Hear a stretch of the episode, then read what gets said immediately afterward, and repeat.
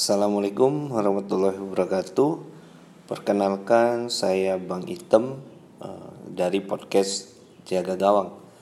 Jadi uh, pada podcast Jaga Gawang ini kita membahas uh, sepak bola dan futsal. Jadi bukan spesifik kita membahas tentang penjaga gawang. Kenapa saya memilih nama podcast Jaga Gawang karena jaga gawang sendiri uh, sangat berkaitan dengan futsal dan sepak bola. Pada podcast ini uh, kita membahas sepak bola secara luas, secara umum. Uh, jadi nanti mungkin topiknya membahas pertandingan-pertandingan Liga Inggris, apa liga-liga Eropa lainnya, atau mungkin Liga Champion, atau Liga Indonesia, bahkan nanti mungkin membahas tentang timnas Indonesia. Tapi khusus untuk futsal uh, saya lebih membahas di futsal Indonesia.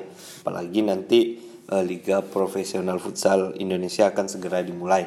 Tepatnya tanggal 8 Januari nanti kick off liga futsal Indonesia dimulai.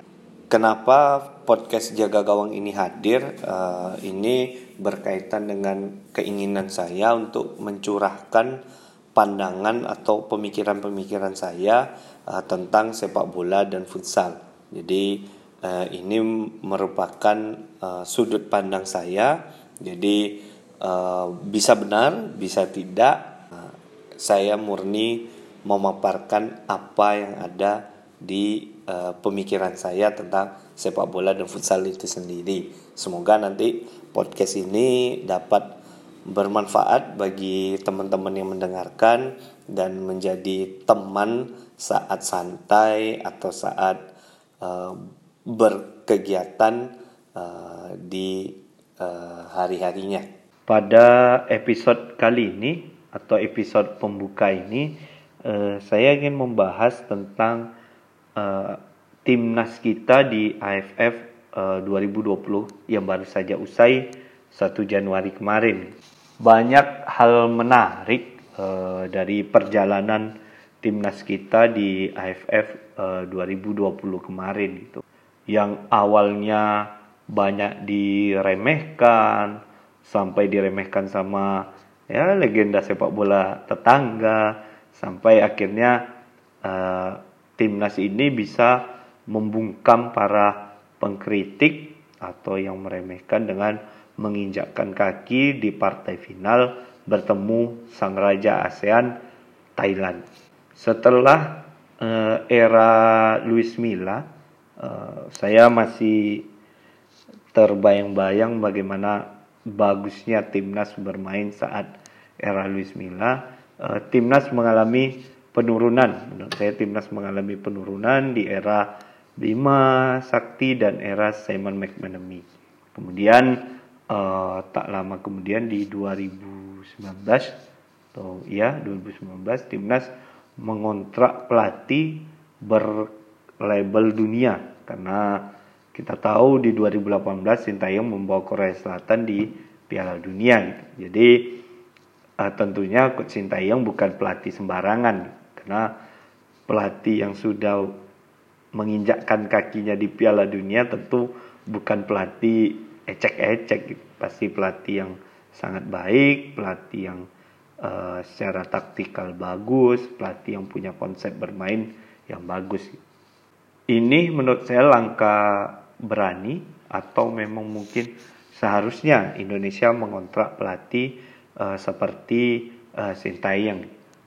Karena uh, kita bisa melihat pemain-pemain uh, Indonesia pemain-pemain uh, yang punya kecepatan yang punya kekuatan uh, dalam sisi kecepatan gitu. Jadi mungkin ini cocok dengan filosofi Coach Sintayong sehingga uh, Coach Sintayong menerima uh, tawaran dari timnas Indonesia. Awal-awal uh, Coach Sintayong melatih tentu tidak berjalan dengan sangat baik gitu karena banyak hal-hal non teknis yang sangat mengganggu hingga tiba di event yang memang menjadi uh, turnamen yang ditunggu-tunggu tidak hanya mungkin oleh pemain tapi juga oleh supporter Indonesia karena ya biasanya di event ini kita bisa berbicara lebih jauh gitu. persiapan dimulai uh, oleh Coach Sintayong uh, dengan berbagai uh, kekurangan dari pemilihan pemain yang sempat dibatasi karena sangat lucu uh, seorang pelatih tim nasional dibatasi hanya dua pemain uh, untuk setiap klub. Padahal ini untuk kepentingan nasional jadi uh, ya biasalah uh, Indonesia kan. AFF berjalan uh, kita pertandingan pertama menang, kedua menang muda, ketiga kita ketemu ya raja lainnya dari Asia Tenggara, Vietnam, uh, di mana secara mengejutkan atau mungkin juga sudah diprediksi beberapa pengamat ya timnas bermain dengan uh, full bertahan. Jadi pasang back sebanyak-banyaknya kita tunggu Vietnam menyerang dikurung habis-habisan dan uh, hasilnya kita bisa menahan imbang Vietnam awalnya uh, saya juga mengkritik ya saya sangat kaget melihat uh, strategi dari Sintayong saat melawan Malaysia karena harapan saya oke okay, kita bermain bertahan gitu atau dulu zamannya uh, bahasanya parkir bus. Tapi kita tetap harus punya konsep dalam serangan balik gitu. Uh, karena saya lihat pada saat itu ya kita full bertahan tidak punya konsep untuk serangan balik. Kita bertahan dapat bola dibuang, dapat bola dibuang.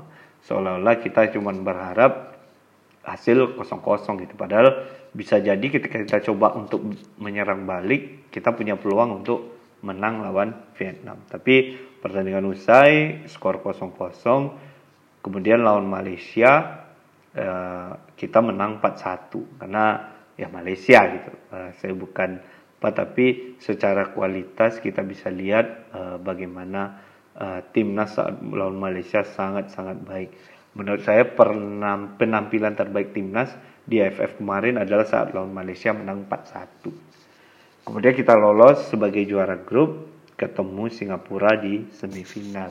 Saya berpikir uh, kita akan kesulitan melawan Singapura dan ternyata kesulitan itu memang terlihat gitu karena uh, Singapura secara uh, tim juga sudah berbenah Singapura juga sudah meninggalkan pemain-pemain naturalisasi mereka fokus sama pembinaan sepak bola mereka karena yang ada saya baca mereka punya target masuk Piala Dunia di 2034. Jadi mereka sudah mulai membangun itu dari sekarang. Kita lihat pemain naturalisasi cuma satu, Song Song namanya Song apa itu gelandang. Selebihnya pemain-pemain muda, pemain-pemain baru, pemain-pemain lokal uh, yang bermain sangat baik. Tapi lagi-lagi uh, rezeki untuk timnas Indonesia dan kita lolos ke final melawan rajanya Asia Tenggara Thailand. Jadi uh, sesuai prediksi uh, kita uh, ketemu Thailand di final karena Thailand juga menang ya termasuk menang muda lawan Vietnam di semifinal. Thailand uh, di AFF ini kembali ke Thailand yang sebelum-sebelumnya di mana pada sebelum AFF Thailand berusaha dengan pelatih asal Jepang untuk merubah gaya mainnya Thailand tapi kita lihat di kualifikasi Piala Dunia pun Thailand hancur-hancuran. Uh, jadi mereka mengontrak pada bulan Agustus kalau tidak salah mereka mengontrak pelatih asing yang telah tahu bagaimana sepak bola Indonesia. Kita lihat hasilnya ya Thailand dengan mulus sampai ke final. Final leg pertama tidak berjalan baik uh, bagi coach Sintayong dan timnas Indonesia uh, terutama di babak kedua. Jadi leg pertama babak kedua itu murni kalau menurut saya kesalahan dari pelatih dalam pergantian pemain. Kita bisa lihat uh, di babak pertama kita ketinggalan 1-0 namun untuk permainan kita masih bisa mengimbangi Thailand. secara pertahanan juga kita tidak banyak melakukan kesalahan, tapi secara mengejutkan Coach mengganti Fahrudin Arianto dengan Elkan Bagot. Kita tahu Elkan Bagot ini datang ke AFF di tengah jalan, bukan ikut tim dari awal. Jadi uh, dan secara permainan melawan pemain-pemain Thailand yang memiliki kecepatan, uh, Kambagot sulit mengimbangi. Memang butuh waktu bagi Elkan untuk dapat masuk ke permainan uh, di Asia Tenggara. Jadi saya lihat pergantian Elkan Bagot ini terkesan dipaksakan karena kita lihat di babak pertama duo center back kita tidak tidak banyak melakukan kesalahan dan masih bisa dimainkan uh, untuk babak kedua. Kita tidak tahu kalau ada hal teknis seperti cedera atau apa. Terus pergantian Ricky Kambuaya dengan Eva eh, dengan Egi Maulana.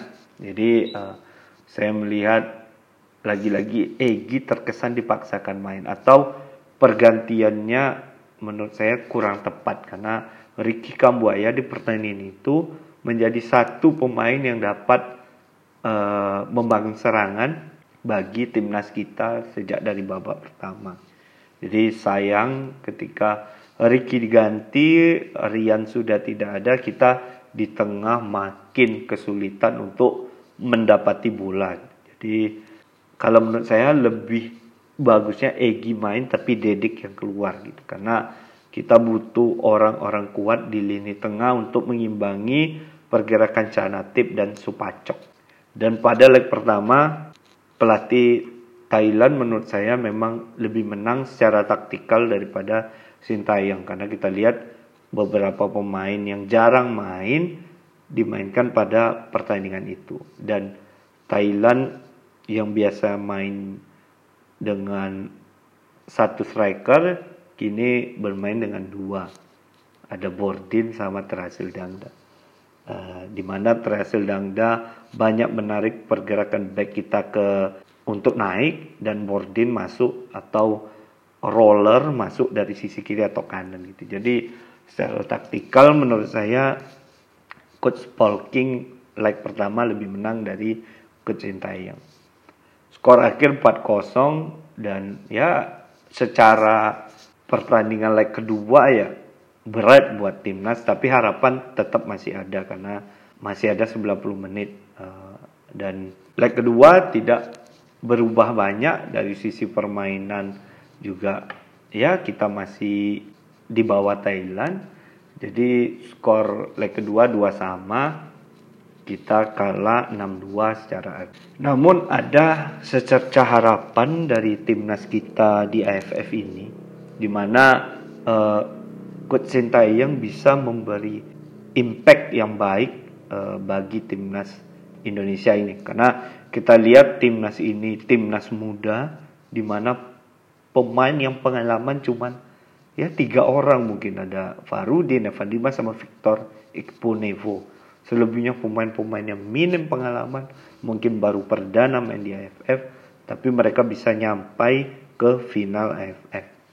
Memang harapan kita sebagai pecinta sepak bola tentu Indonesia juara gitu. Tapi ketika kita dengan kualitas pemain yang ada melawan timnas Thailand yang ya AFF ini sudah ibaratnya Thailand ikut ya 70% mereka juara gitu. Tapi kita bisa sampai ke final kita tetap bisa berjuang sampai akhir.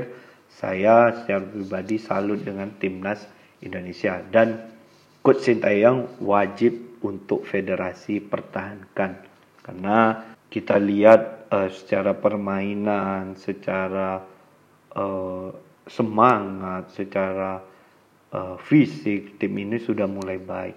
Cuman yang masih kurang konsep bermain dari timnas ini, terutama saat kita menyerang dan saat kita melawan tim-tim yang selevel atau satu level di atas kita gitu. Jadi mungkin tahapan selanjutnya pasti Sintayong mengasah dari taktik bermain atau taktik menyerang dari timnas ini.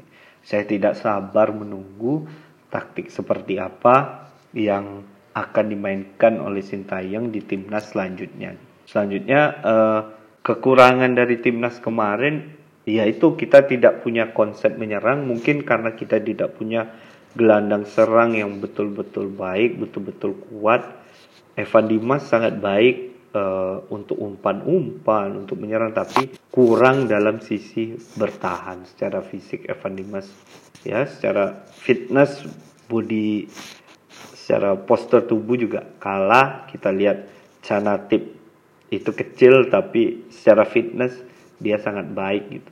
Uh, jadi harapannya buat pemain Indonesia atau buat coach Sintayong semoga dapat seorang gelandang serang atau seorang kreator bagi timnas ini yang sangat-sangat baik. Mungkin nanti bisa ditemukan di liga atau uh, dari turnamen-turnamen lain gitu. Kita bisa lihat uh, bagaimana timnas ini atau coach Sintayong ini memilih gelandang serang karena menurut saya ini yang kita tidak punya di AFF kemarin. Kemudian uh, saya akan menyampaikan tiga pemain menurut saya yang menjadi pemain penting atau pemain kunci di timnas AFF kemarin. Yang pertama itu ada Asnawi Mangku Alam, pemain muda asal Makassar, berkarakter keras. Uh, saya mengatakan keras, bukan kasar, tapi Asnawi berkarakter keras, uh, layaknya pemain-pemain Makassar. Uh, bermain di Korea, Liga 2 Korea. Sudah satu musim apa setengah musim di Korea. Asnawi menunjukkan uh, peningkatan dalam bermain karena kita bisa lihat bagaimana sisi kanan pertahanan kita sangat-sangat sulit ditembus oleh lawan. Kita lihat secara fisik, secara fitness Asnawi sudah makin membaik, secara visi bermain, uh, Asnawi sangat-sangat baik. Cuman satu kesalahan Asnawi saat lawan Singapura di leg kedua. Uh, mungkin itu yang perlu diperbaiki oleh Asnawi. Dia sebagai kapten tim harus bertindak atau bersikap lebih uh, baik lagi terhadap lawan. Pemain kedua adalah Ricky Kambuaya, pemain yang akhirnya melanjutkan tradisi pemain-pemain Papua di timnas ini. Mungkin para uh, pendengar uh, sepakat uh, Ricky Kambuaya salah satu pemain terbaik di AFF kemarin. Dari semua tim salah satu pemain terbaik adalah Ricky Kambuaya. Bagaimana Ricky Kambuaya dapat menjadi ya kalau saya bilang box to box ya, uh, di lini tengah Indonesia bagaimana dia dapat uh, mengatur uh, serangan. Tapi Ricky Kamboya bukan gelandang serang murni kalau menurut saya. Uh, Ricky Kamboya ini ya box to boxnya lah gitu.